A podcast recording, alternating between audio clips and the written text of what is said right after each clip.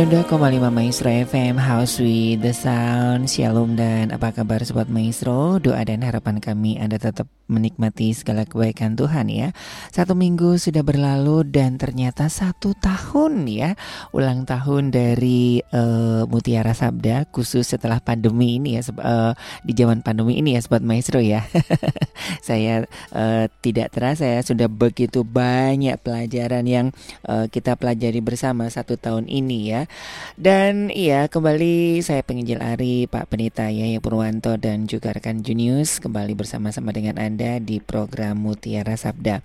Silakan bagi Anda yang ingin bertanya ya seputar firman Tuhan ataupun iman Kristiani, Anda bisa langsung SMS atau WhatsApp di 081321000925. Dan buat Anda yang mungkin ketinggalan acara Mutiara Sabda, tenang aja karena ada siaran ulang atau Anda bisa mendownload aplikasinya ya di App Store di Maestro Radio Bandung. Anda bisa mendengarkan Radio Maestro di mana pun dan kapan pun, termasuk siaran Mutiara Sabda yang sudah eh, terlewatkan ya. Jadi Anda nggak nggak nanya-nanya lagi ya. Jadi Anda bisa mendengarkan kembali rekaman-rekaman yang sudah pernah diputarkan.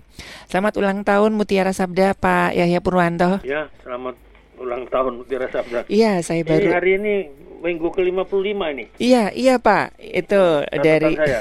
betul, betul. Betul. Jadi Satu eh, tahun satu tahun satu tahun lebih. tiga minggu ini. Iya, iya. Jadi saya baru ngeliat catatan saya juga. Wah, ini ternyata banyak sekali pelajaran-pelajaran. Ini kalau dibukukan ini bisa luar biasa, Pak ya. Ya, Nanti kita akan coba bukukan ya, Pak ya. pakai buku kan ada bisa di download aplikasi Maestro. Betul, betul. Lebih mudah sekarang. Oke. Di mana pun bisa dibuka kan. Betul, betul. Iya. Buat sobat maestro ya yang mungkin ingin ingin bertanya bisa setiap hari ya supaya eh, kita persiapannya juga lebih enak untuk pembahasannya ya. Jangan eh, pas eh, sore atau pas acara berlangsung. Ya nggak apa-apa sih ya, tapi kalau tiap hari Anda ada renungan boleh ya dikirimkan ya. Oke, kita ke Pak Julius Iswanto ya. Eh, ini mohon penjelasan dari Efesus 5 eh Efesus 2 ayat 15 dan 16. Agak bingung ini terutama di frase untuk menciptakan keduanya menjadi satu manusia baru di dalam dirinya. Oke, kita akan coba membacanya. Firman Tuhan dalam Efesus 2 ayat 15 dan 16. Demikian firman Tuhan, sebab dengan matinya sebagai manusia ia telah membatalkan hukum Taurat dengan segala perintah dan ketentuan untuk menciptakan keduanya menjadi satu manusia baru di dalam dirinya dan dengan itu mengadakan damai sejahtera dan untuk memperdamaikan keduanya di dalam satu tubuh dengan Allah oleh salib dengan melenyapkan perseteruan pada salib itu. Nah, ini eh, seperti apa ini Pak Yahya Purwanto? Jadi itu kan kalau kita membaca itu sebetulnya uh, konteksnya kan ada di itu ya di uh, per- ah, begini loh pada waktu jemaat di Efesus ini ada Mhm. itu kan kita melihat ada juga kelompok orang-orang yang bukan Yahudi. Hmm, betul, Nah, betul. Jadi jadi kelompok orang Yahudi itu adalah kelompok orang-orang yang yang bukan Yahudi ya, Mhm, yang mhm. pada waktu dulu kan disebut orang tidak bersunat. Oke, Kalau pakai istilah orang Yahudi. Sedangkan Mhm. orang Yahudi mengaku dirinya bersunat.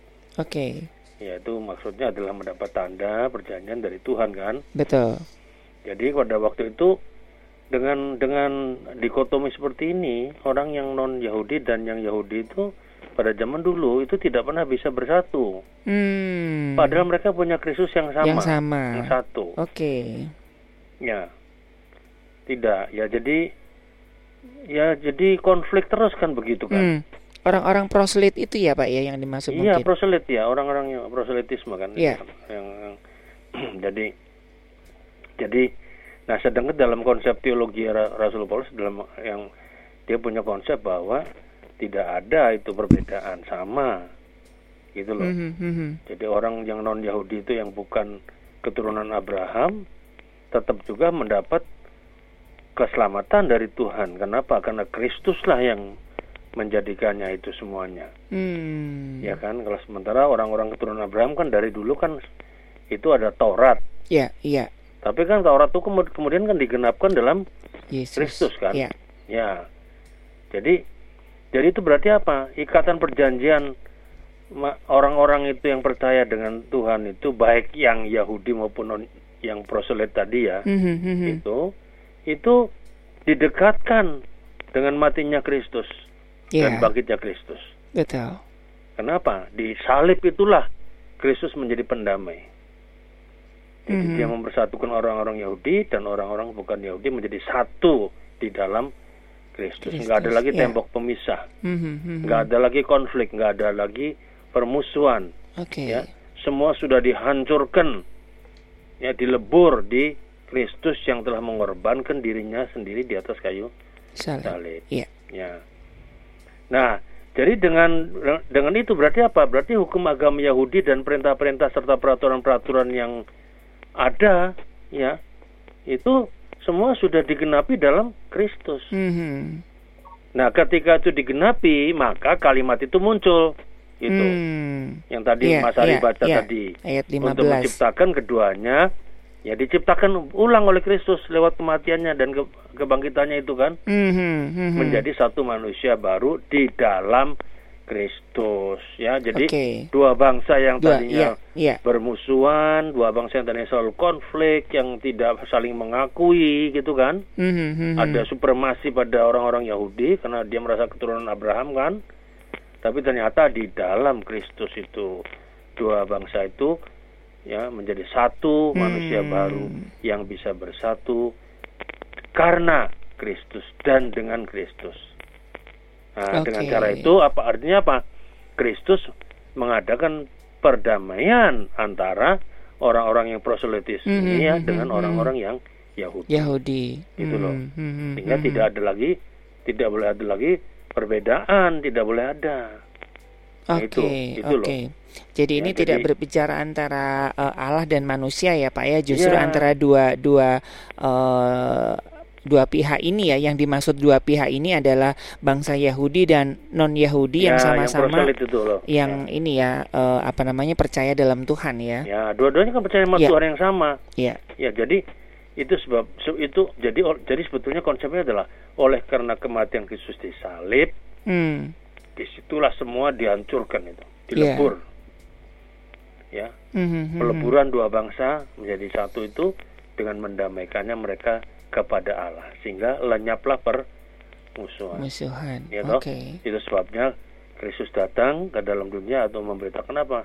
Injil kabar baik Hmm. tentang perdamaian itu pada saudara pada baik pada orang-orang Yahudi maupun pada orang yang bukan Yahudi, yang Yahudi. dulunya Mhm, jauh mhm. dari Allah tapi sekarang sudah dekat Ya. dengan Allah. Itu loh Mhm, mhm. ya. Dan itu dan itu artinya apa? Artinya ya ini sungguh luar biasa. Ma- Maka kita melihat dalam konsep ini Kristus menjadi universal nantinya Oke. ya. Ya. Itu loh. Mhm, Ya, mhm. ya itu sebabnya kenapa kita juga sekarang di Indonesia kan ada yang, yang mengikut Kristus Mhm, mhm. sama Ya, ya. dengan itu ya Oke. dengan orang-orang Yahudi walaupun kita bukan keturunan ah, Abraham Abraham. secara langsung Mhm, mhm, mhm. ya kan Ya. ya jadi Oke. itu itu maksud daripada yang ditanyakan tadi oleh saudara kita ini Ya, Pak Yulius Iswanto ya. Oke. Iya. jadi menciptakan keduanya itu betul-betul di- diciptakan baru itu loh menciptakan berarti meng- bukan cuma membarui tapi betul-betul di kotok-kotok diaduk-aduk lalu jadi baru gitu loh Mhm, mhm. bukan dirubah bukan Iya. cuma dirubah Iya. baik orang-orang yang Yahudi maupun yang non Yahudi diciptakan ulang baru jadi manusia baru di dalam Kristus Hmm. Gitu loh. Ya. Harusnya ini juga menjiwai setiap umat percaya sekarang ya, Pak ya. Iya, Eh, nggak ada denominasi Iya, ABC ya, Pak ya sebetulnya ya. nggak boleh kita dipecah-pecah di kotak-kotak dengan berbagai itu nanti kalau itu terjadi kita menyalahi hukum Kristus Hmm, hmm, hmm, Dan hmm. kan kalau kita lihat ya kalau kita lihat banyak banyak kali gereja terpecah-pecah karena apa karena egonya orang-orang yang mengambil bagian dalam gereja itu Ya. itu ya jadi jadi betul-betul ya sebetulnya Kristus sedih kalau begitu itu mendukakan Kristus Hmm, hmm, hmm, hmm. ya bayangkan Kristus sudah Kristus sudah dengan susah payah melakukan tindakan perdamaian di atas bukit Golgota itu disalib kita yang memecah-mecah lagi Hmm, hmm. gitu loh Iya. itu mendukakan Tuhan sebetulnya Betul, betul. ya makanya makanya gereja tuh harus gereja-gereja sekarang juga harus bertobat lah apalagi setelah pandemi ini saya rasa harus Mhm, bertobat mhm. bertobat menghayati bahwa kita ini satu kok Betul. jadi satu itu bukan berarti satu dalam arti teori teoritis saja tapi dalam Mhm, praktis mhm. juga ya dalam pengalaman praktis sehingga betul-betul eh, menya- menyatu gitu loh Hmm, hmm. bahwa ada perbedaan-perbedaan pandangan pikiran Ya, itu bisa saja wajar, terjadi ya. tapi ya bersatu lagi Hmm, hmm, hmm, hmm. ya bukan saling bermusuhan Ya, ya saling menganggap dirinya lebih tinggi dari yang lainnya tidak betul. boleh ada semua Ya. sama di dalam Kristus Betul. Harusnya saling melengkapi ya, Pak ya. ya iya Oke. saling meno- menolong juga Hmm, saling hmm, hmm, hmm, hmm. menolong saling membantu membangun semua itu jemaat Ye- Yerusalem aja jemaat tua bisa dibantu jemaat Korintus kok Hmm, hmm, jemaat hmm, baru ingat nggak itu Ya. Betul, dalam betul. firman Rasul Paulus kepada jemaat di Korintus Hmm, hmm, hmm, hmm. ya gitu loh, ya Ya, ya. Di- yang yang jelas adalah bahwa hukum-hukum agama Yahudi dan perintah-perintah apa pun juga termasuk uh, apa namanya uh, ajaran-ajaran orang-orang Farisi itu semua itu sudah dihapuskan di dalam Kristus lewat apa kematiannya di kayu salib Hmm. Jadi di situlah dia betul-betul mendamaikan. Ya, jadi jadi tidak ada lagi orang kelas 2, tidak ada lagi orang kelas 1, tidak Hmm, ada. hmm, hmm, hmm. Semua Betul. sama di dalam Kristus Yesus, sebagai umat oke. Tuhan. Semua sama sebagai anggota keluarga Allah. Karena apa? Mhm. Dibangun di atas dasar yang sama, yaitu Kristus sebagai dasarnya. Hmm. Kristus Ya, sama. ya. Ya, lalu kemudian kita tinggal nyusun rumah kan? Rumah mhm. dibangun di atasnya semua. Bangunannya bisa beda-beda, tapi dasarnya sama. Hmm. Gitu loh. Ya. Oke, ya sudah cukup jelas ya Pak Julius Iswanto. Kita ke Pak Yakub nih ya. Eh, mohon pencerahan tentang Yohanes 5 ayat 1 sampai 9 ya. Eh, ini saya baca, ini cukup menarik juga sih sebetulnya ya mengenai penyembuhan pada hari Sabat di kolam Bethesda ya. Ini cukup panjang ayatnya.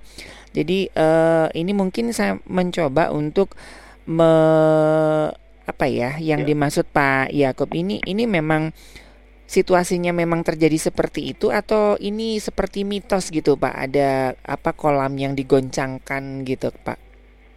Ya bukan bu, sebetulnya kita nggak bisa mengatakan mitos nggak mitos. So- Mhm, soalnya mhm. secara arkeologi ada di sana di sana tanah ya. perjanjian. Oke. Kolam Siloam itu ada Mhm, bukti-buktinya mhm. ada. Betul nah saya jadi saya melihat melihatnya bahwa ini eh, bukan sebuah mitos tapi ini sebuah eh, peristiwa keajaiban yang diberikan Yesus Mhm, mhm, Ya. mhm. dan coba kita saya coba ya memberikan sedikit pengan- pengantaran pada saudara siapa ini tadi Pak Yakub Pak Yakub ini ya. Jadi gini, jadi kalau selama ini ya, kalau kita melihat dalam pengalaman dalam pengalaman apa namanya eh, orang yang disebutkan oleh Tuhan Yesus Mhm. spiritual gitu ya Pak ya itu kerap kali yang terjadi adalah Tuhan yang paling banyak ya Mhm. Tuhan Yesus itu menyembuhkan ya sebagai apa? Sebagai tanggapan terhadap iman seseorang, Hmm. ya kan? Iya. ya iman sebesar ini nggak aku dapetin di orang Yahudi ya toh kan macam-macam kan Mhm, oh mhm, mhm. Pergilah kamu imanmu menyelamatkan engkau. Kan gitu kan? Betul, betul. ya gitu kan? Nah kita coba melihat. Ini satu cerita yang ini agak unik. Betul. ya. Uniknya apa? Ini adalah seorang yang punya sakit menderita selama kurang lebih 38 ya, 38, 38 tahun. tahun. Ya toh? Ya 38 tahun. Bayangkan 38 tahun bukan waktu yang pendek Ya. orang ini telah mengalami satu kekecewaan yang dalam yang panjang Mhm. ya karena tidak pernah dapat sembuh tidak Iya. pernah ya ya orangnya memang anu memang terlambat masuk ke kolamnya kan Mhm, mhm. kan begitu Iya, selalu didulu orang lain betul. ya toh? Tapi tetap mengharapkan pertolongan Tuhan. Gitu loh. Oke. Mereka menghayati bahwa kolam Siloam itu adalah kolam yang di mana Tuhan mau menolong manusia. Tapi Mhm. juga memakai cara cara manusia juga, yaitu Mhm, orang mesti ter- mhm. masuk ke kolam kan, Iya, gitu loh. Nah orang ini kan nggak bisa masuk kolam mas, iya. tapi dia sangat mengharapkan dan tidak ada orang yang peduli di situ, siapa siapa pun. Mhm. Tidak ada orang berbelas kasihan. Kalau ada yang berbelas kasihan, bar- barangkali siap-siap diangkat dulu, lempar kan bisa begitu Betul, kan. betul. Kalau ada yang anu. Ini agak berbeda dengan kisah yang ada orang yang peduli dengan orang yang sampai untuk ketemu Yesus harus membuka atap rumah. Mhm. Ingat gak mas? Betul, betul.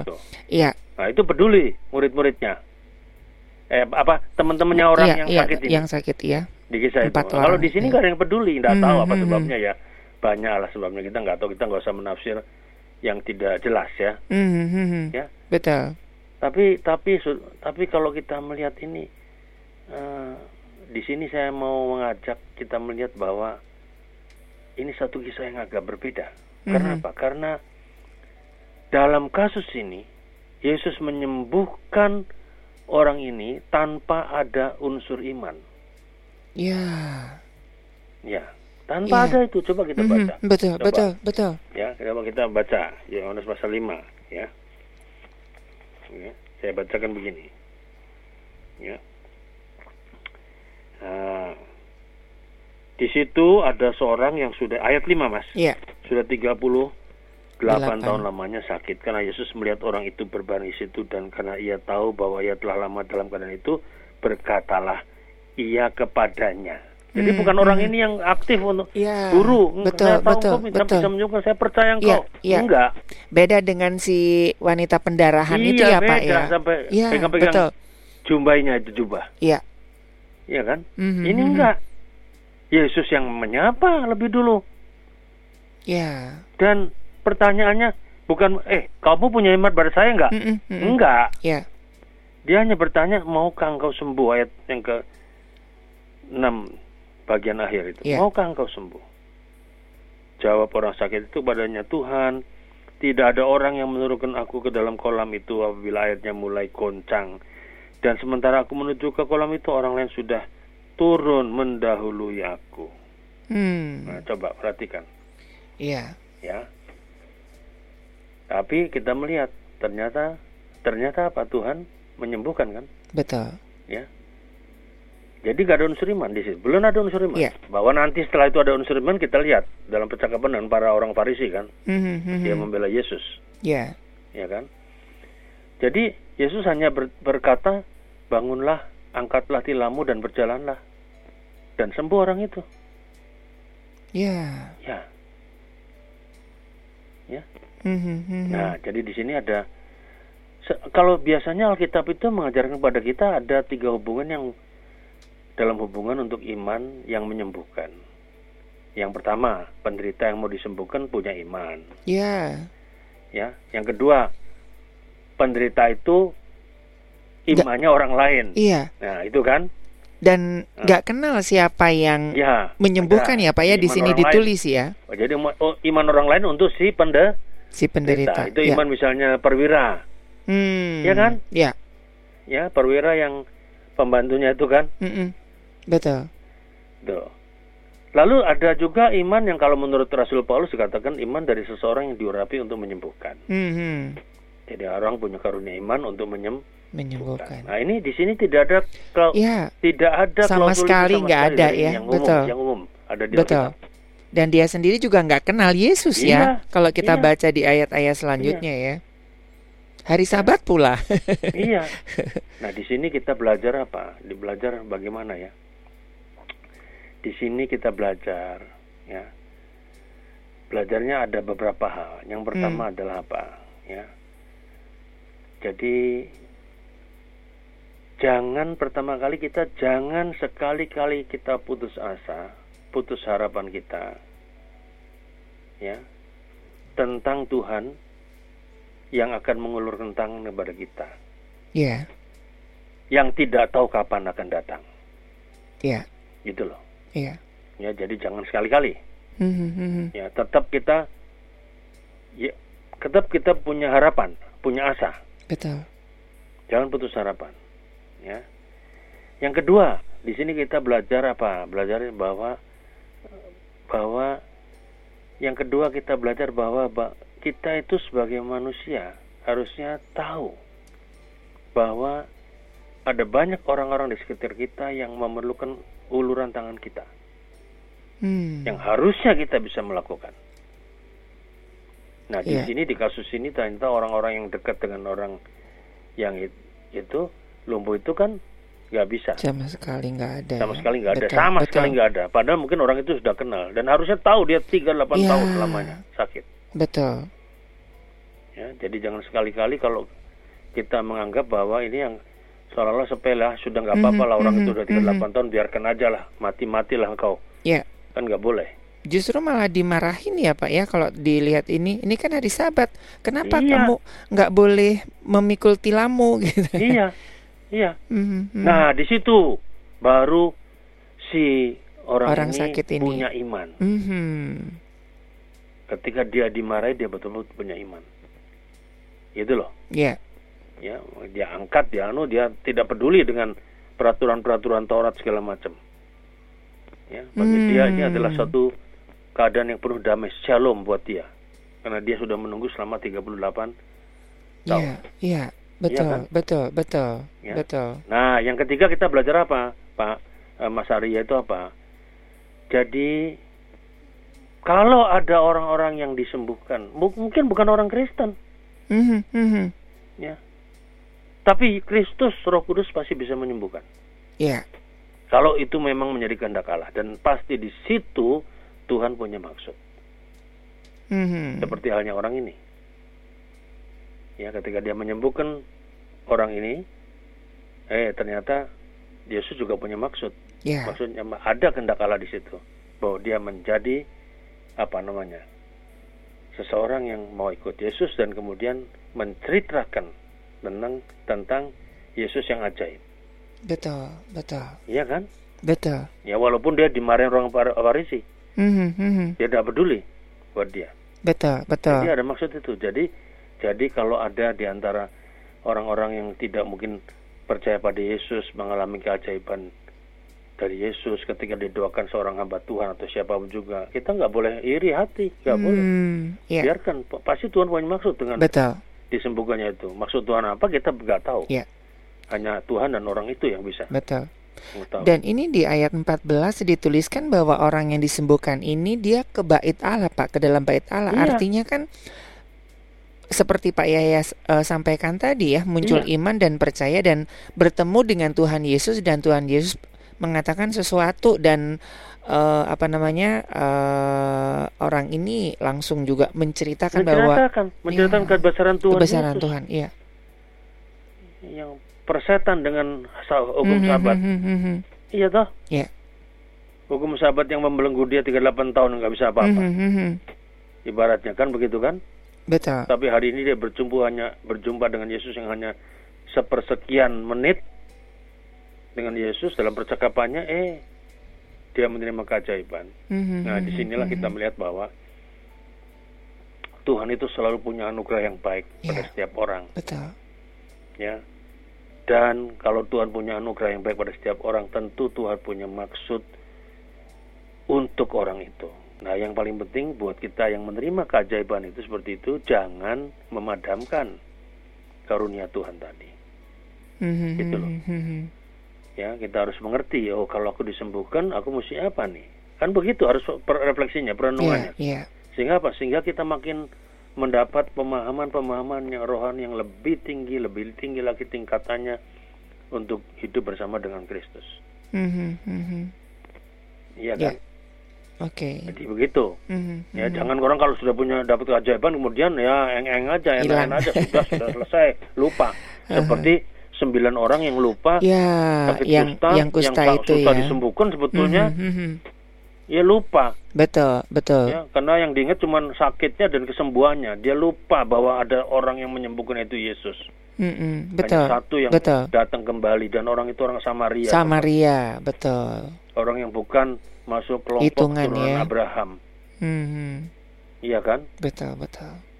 itu Oke. jadi setiap kali kita ya makanya kalau kita mengalami anugerah dari Tuhan keajaiban coba renungkan apa sih yang Tuhan mau pada kita sampai kita menemukan oh iya ya saya harus begini saya mesti nolong orang ya saya Mhm. rasa itu orang itu ini nggak ini nggak diceritakan di situ tapi mungkin orang ini orang ini orang ini ya mungkin dia karena sudah biasa ada di kolam itu mungkin dia juga ke kolam itu sekali-kali dan satu saat dia lihat ada apa namanya malaikat Tuhan menyentuh, men- menyentuh kolam itu lo ber, beriak gelombang ada orang yang sudah lama tidak anu dia Mhm, mungkin mhm. dilempar sama dia Dilempar, bisa betul, betul. bisa juga kita nggak tahu Iya. ceritanya nih Betul, betul. karena dia mengalami aduh alangkah sedihnya aku 38 tahun ini Mm-mm, ada mm-mm. orang yang baru 10 Iya, tahun ini iya. aku mau tolong dia ditungguin lah di Betul, situ betul. Jadi Sama rasa dia. empatinya muncul ya, Pak ya. ya jadi itu conscience itu Mhm, mhm. hati nurani itu Mhm, yang mesti iya. ditumbuhkan dalam diri kita Betul, ketika betul. kita mengalami keajaiban dari Tuhan Betul, Ya. betul. sehingga Wow, fir- sehingga iya. firman itu tumbuh terus dalam diri kita Betul. Ya. Wah, indah sekali ya kita dapat pelajaran dari Yohanes 5 ayat 19 ya. Ini kadang-kadang nggak kepikir kita ya, Pak ya, sedalam Iya. ini. iya kadang-kadang kita nggak pikir pikirannya kan cuma sembuh aja ya, ya. tapi tidak boleh nggak Mhm. boleh ya, oh, siapa pun kita kalau kita sudah mengalami sakit apalagi sulit sembuhnya kalau kita sudah sembuh ingat apa yang mesti saya lakukan untuk Tuhan dan sama kita manusia Mhm. Ya. ya Oke. Ya, Ya. sudah cukup jelas ya buat Pak Yakub ya. Kita ke Ibu Lani nih ya. Ibu Lani ini mohon bertanya tentang berkat Tuhan pangkal selamat dari Mazmur 127 ayat yang pertama sampai ketiga. Oke, ini eh, cuma lima ayat ya di Mazmur 127.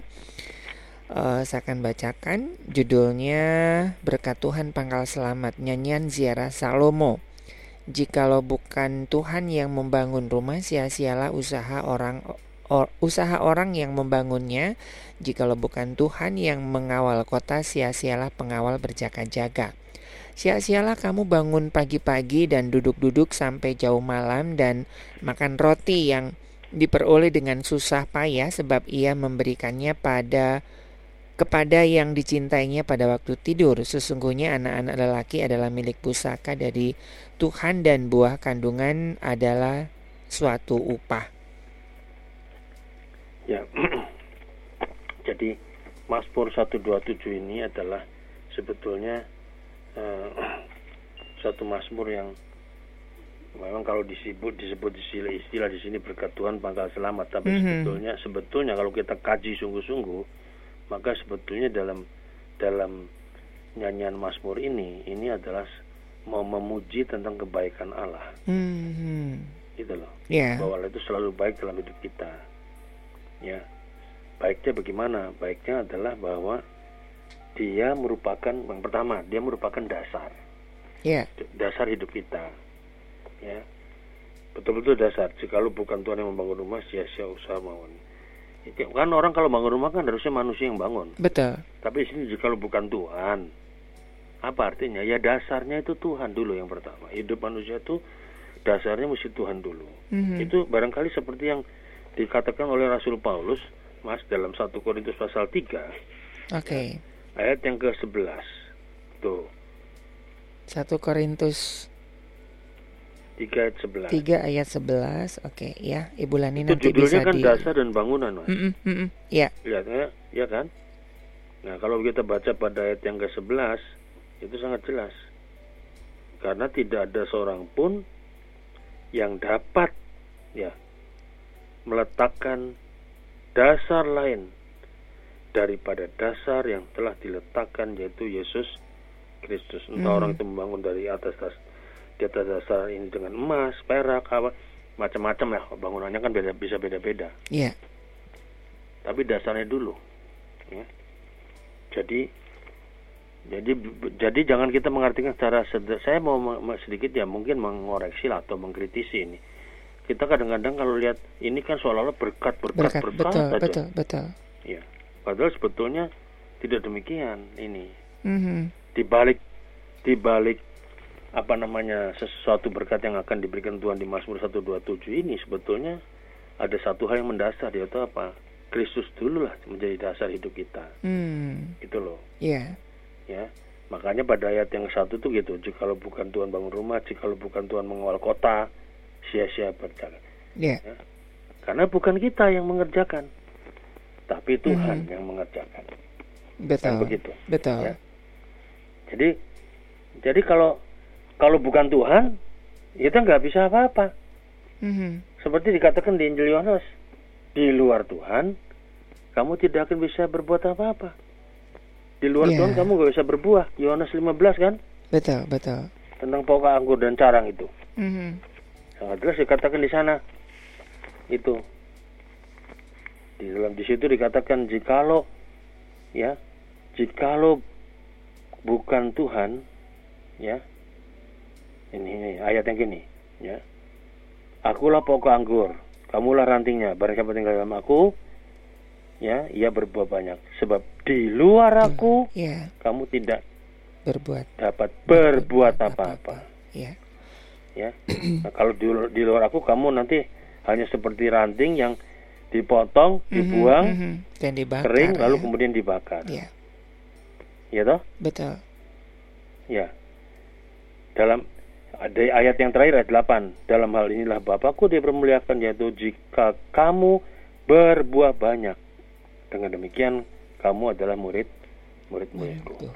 Iya. Sangat jelas. Jadi itu itu yang pertama dulu mesti dihayati. Mhm, Tata. mhm, Ya. mhm. Nah, yang karena Kristus itu sebagai dasar segala-galanya dalam hidup kita, ya, maka dia jugalah yang yang bisa menyediakan bagi orang yang dikasihinya. Betul. Walaupun kita sedang dalam tidur. Mhm. Ya, itu yang barangkali orang lain kalau masyarakat umum mengatakan oh rezeki datangnya dari Tuhan, tapi itu kan kadang cuma lip service. Betul.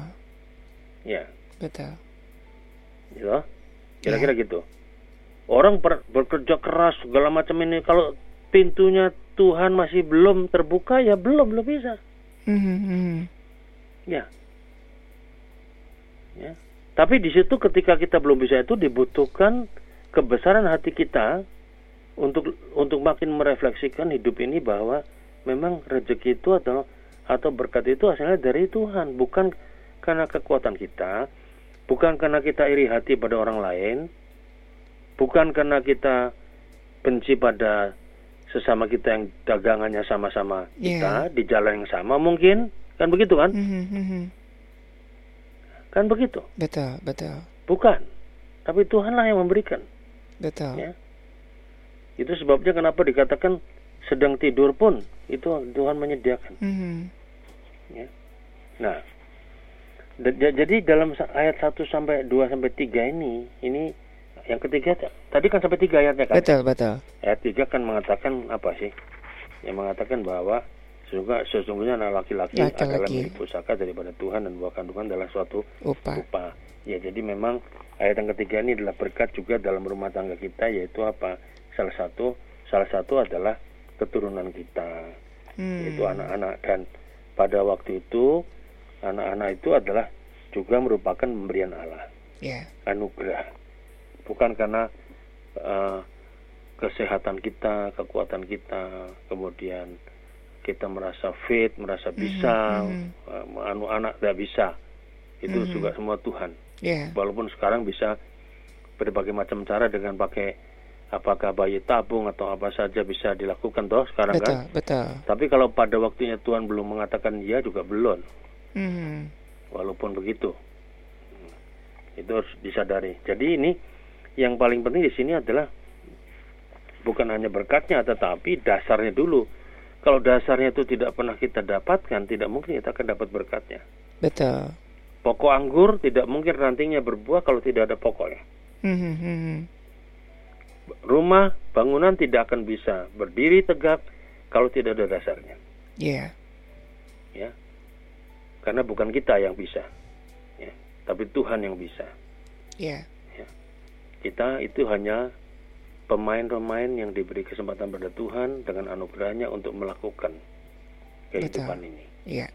Sumbernya, dasarnya semua adalah dari Tuhan Tuhan. sendiri. Ya.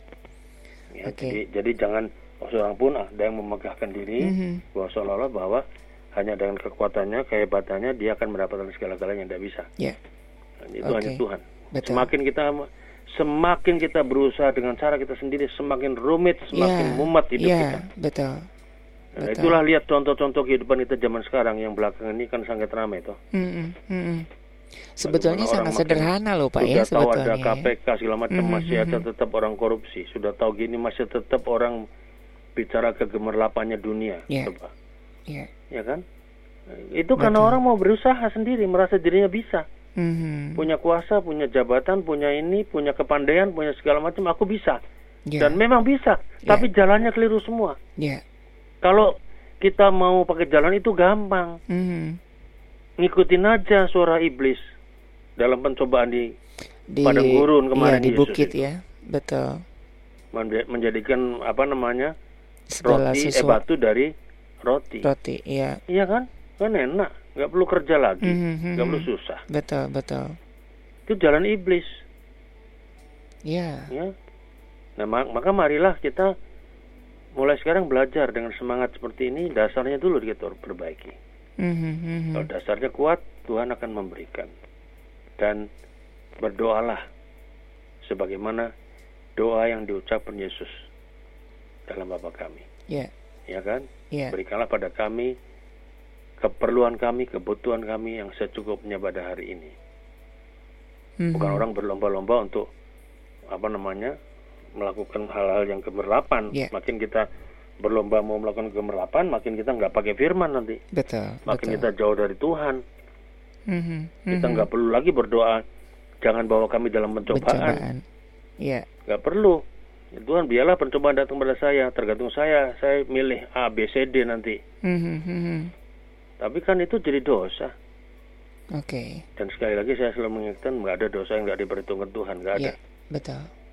Itu Oke. kan dihitung sama Tuhan. Kalau kita nggak bertobat, kalau kita Mhm. bertobat beda.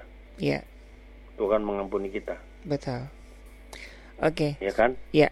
Ya. Ya, oke, sudah cukup jelas ya Ibu Lani ya. Kita ke pertanyaan terakhir nih Pak Harli Lindana nih. Eh, Pak Yahya mohon penjelasan dari 1 Korintus 8 ayat 12 dan 13. Demikian firman Tuhan 1 Korintus 8 ayat 12 hingga 2, eh, 13. Jika engkau secara demikian berdosa terhadap saudara-saudaramu dan melukai hati nurani mereka yang lemah, engkau pada hakikatnya berdosa terhadap Kristus. Karena itu apabila makanan menjadi batu sandungan bagi saudaraku, aku untuk selama-lamanya tidak akan mau makan daging lagi supaya aku jangan menjadi batu sandungan bagi saudaraku. Ya, jadi 1 Korintus 8 ini ayat yang ke 12 13 itu sebetulnya adalah eh, tentang makanan lah. Mm-mm. Udah judulnya kan LAI Hmm. Iya, mengatakan ke- sembah bara- ya, berhala ya. berhala. Jadi tentang makanan yang diberikan kepada persembahan diberikan sebagai persembahan kepada berhala sebetulnya. Mhm. Jadi ayat ini mau mengatakan pada kita bahwa sebetulnya eh, sebetulnya tidak dulu itu gini. Ini ko- konteksnya ya saya ceritakan secara singkat saja. Iya. Konteksnya adalah bahwa dulu tuh di Korin- pasar Korintus ini semua daging yang dijual di pasar itu dipersembahkan dulu pada berhala Hmm, ya. oleh para pedagang. Ya, betul, betul. Itu loh, itu memang tradisinya begitu. Tradisinya ya untuk di Nah, diberkati lalu gitu ya kan orang kasarannya Kristen ya. sama orang Kristen kan mengatakan, "Oh, itu bersembah Mhm. kenapa kita mesti makan segala macam Mhm, gitu mhm, loh." mhm. Ya. Nah, lalu kemudian Rasul Paulus memberikan surat pastoralnya ini kepada mereka gitu loh. Ya, Ya, kira-kira gitu. Jadi, jadi di situlah kita melihat dalam pasal 8 ini dilanjutkan dengan pasal yang ke-10 eh 10 ya. betul. Ya, pasal 10 itu. Lalu dia memberikan memberikan nasihat begini. Semua yang diciptakan Tuhan itu semua itu adalah bagus. Ya. Nggak ada satupun yang Mhm. tidak bagus. Dari awalnya kan bagus semuanya. Iya, Ya, tapi karena dosa manusia kemudian jadi nggak bagus. Gitu. Jadi karena bagus itu art- artinya apa? Artinya ya dimakan aja semua termasuk Hmm. daging. Kira-kira gitu kata Iya. Paulus. Ya. Jadi termasuk daging. Nah, kenapa? Dikatakan dalam pasal 10 misalnya pada ayat yang ke-23 segala sesuatu diperbolehkan benar Mhm, tapi mhm. bukan segala sesuatu berguna. ya, Segala sesuatu diperbolehkan tapi bukan segala sesuatu membangun. membangun. Ini dasarnya. Mhm. Semua boleh, tapi yang berguna. Semua Ya. boleh, asal bisa membangun tubuh kita. Gitu, Ya, ya. Nah, bagaimana tentang persembahan berhala tadi? Nah, lalu Paulus memberikan me- me- jangan kemudian kita ambil sikap, wah karena ini ada persembahan berhala- ber- berhala gini ya, saya nggak mau makan selama-lamanya. Bukan. Bukan begitu. Kalau. Betul. begitu kita menajiskan apa yang baik yang sudah Tuhan berikan pada kita kan, betul, sejak ciptaan. betul, betul. Ya, padahal itu sudah diperdamaikan dalam Kristus di atas kayu Salib, kan? Iya, Jadi kemudian Paulus mengatakan gini, gini loh, kalau misalnya kamu kamu diundang makan banyak orang di situ dan kemudian orang mengatakan, eh kamu orang Kristen, kamu nggak boleh makan persembahan berhala kami, ya jangan dimakan kalau itu terjadi, Hmm, supaya jangan menjadi batu sandungan. sandungan. Itu itu maksudnya konteksnya ayat itu. Ya, iya, pasal 8 ayat 12 dan 13. Tapi kalau orang-orang itu nggak apa-apa, ya ya dimakan no saja. problem ya. Wong tadi eh, firman Tuhan mengatakan segala sesuatu diperbolehkan Mhm, asal mhm. membangun. Iya, Ya. itu loh. Ini kan sama saja begini. Kalau kita pakai bahasa ini, kalau di pesta itu ternyata di situ ada apa namanya nasi rawon nguling yang Hmm. lemaknya banyak Hmm. sekali Waduh, enak. dan enak toh. Pak, iya, Dan iya. kita sakit, sudah sakit sudah jantung, kolesterol gitu ya. kolesterol tinggi, su- Eh. sudah sakit jantung nih, Mhm. sudah megap-megap napas, tapi masih makan, ya kita berdosa sebetulnya. Hmm. Kenapa? Segala sesuatu diperbolehkan, tapi bukan berarti segala sesuatu membangun. Membangun. Iya. Itu kan merugikan tubuh kita. Iya. Ya dihindari lah. Atau Mhm, kalau makan mhm. pun nggak banyak-banyak, sedikit saja. Iya. Iya. Ya. Betul. Sudah betul. sa- tahu sakit darah tinggi, makanya durian terus tiap hari. Ya, Betul, meledak, betul. syarafnya stroke. Dan ini kan juga kayak eh, untuk konteks untuk ini ya Pak ya kayak eh, saya dulu di Bali itu kan mau tidak mau kan harus ikut kontekstual ya Pak ya. Iya. Hah. Nggak makan ya pekiwuh makan pekiwuh gitu. Nah, jadi Oke. Ayat tadi ta- tadi mengatakan begini, kalau di antara pers- di antara kelompok yang makan-makan tadi ada Mhm, orang-orang Kristen, mhm, ada mhm. orang-orang Kristen yang masih lemah imannya, Iya. supaya jangan kemudian membuat iman mereka makin goyah, Betul. ya jangan makan Iya. dulu, ya toh, sampai iman mereka dewasa, kuat dan baru bisa. Mhm, mhm. Tapi pada prinsipnya semua yang diciptakan Tuhan itu adalah pada hakikatnya baik dan tidak satu pun yang tidak diperbolehkan. Iya. Semua boleh, tapi Betul. tidak semuanya membangun. Tidak semuanya itu berguna. Tidak semuanya berguna. Betul, betul. Ini indah sekali ya, eh, apa namanya pastoral dari Rasul Paulus ya. Iya. Dia dia sampai berani ngalah ya sudahlah demi Hmm. eh, iman, Iman orang-orang saudara yang masih lem- yang masih lemah, Iya. dia nggak makan deh gitu ya. Jadi nggak nggak mencari alibi. Ah Iya, dasar gitu. kamu Karena lemah, orang-orang nggak punya iman. gitu. Bagaimanapun orang-orang yang baru bertobat itu kan mereka masih dalam tahap iman yang Betul. masih anak-anak, Betul. masih lemah. Nah kalau nanti kalau dalam kelemahan tadi cuma oh nggak ada Hmm. bedanya ini antara orang Ya. Kristen dengan orang yang bukan Kristen, orang-orang Korintus yang nggak percaya Tuhan Yesus sama. Hmm. Kok sama saja? Ya, Iya, iya. kan jadi lemah imannya. Betul. Jadi model kayak kekristenan abad-abad ketiga, keempat, kelima tuh Pak ya masa-masa Ya, ya. orang Kristen nggak ada bedanya dengan orang non Kristen yang juga macem-macem gitu ya. Mm-mm. Oke. Jadi, jadi keberatan-keberatan itu, ya, keberatan-keberatan itu itu harus juga ditentukan bukan hanya oleh hati nurani kita sendiri, Hmm, tapi juga hmm, hmm, hmm. oleh keberatan-keberatan Ya. hati nurani orang lain. lain. Kalau Betul. hati, nurani orang lain mengatakan berat, nggak boleh ya jangan dimakan. Ya. Kita bisa makan di tempat yang lain, Hmm, hmm, hmm, hmm. Gitu loh. Ya, betul, Ya. betul. Oke. gitu. Iya. Tapi kalau tidak ada masalah, ya bisa dimakan. Hmm, hmm, hmm. Oke. Ya. Ya. Oke. Yang penting dalam dalam hal makan memakan ini orang harus apa? Mengucap syukur Mengucap kepada syukur, Tuhan dalam iya. segala hal. Kan itu ada. Iya, di dalam Alkitab ayatnya. Ya, betul, betul. kalau makan minum hendaklah berdoa kan ada Ya, mengucap syukur. itu ada. Hmm, hmm, Jadi ini ini kata kalau kalau gini jika engkau makan atau jika engkau minum jika engkau melakukan sesuatu yang lain lakukanlah semuanya itu untuk kemuliaan Tuhan. Tuhan. Betul, betul, Ya, betul. Dengan Oke. mengucap syukur selalu. Mhm, mhm. Itu berkat yang kita terima. Oke. Ya. Ya. Wow, ini kita empat pertanyaan. Aduh, kita sudah banyak sekali dibukakan ya. Sekali lagi terima kasih Pak Pendeta Yaya Purwanto. Ya, sama-sama Mas Ari. Oke, iya bagi sobat maestro ya, kalau dalam hari-hari Anda ada perenungan yang ada eh, ayat-ayat yang kurang dipahami, silakan Anda bisa langsung SMS atau WhatsApp di 081321000925 dan jika Anda yang ketinggalan acara Mutiara Sabda bisa download aja aplikasinya ya di App Store Maestro Radio Bandung ya.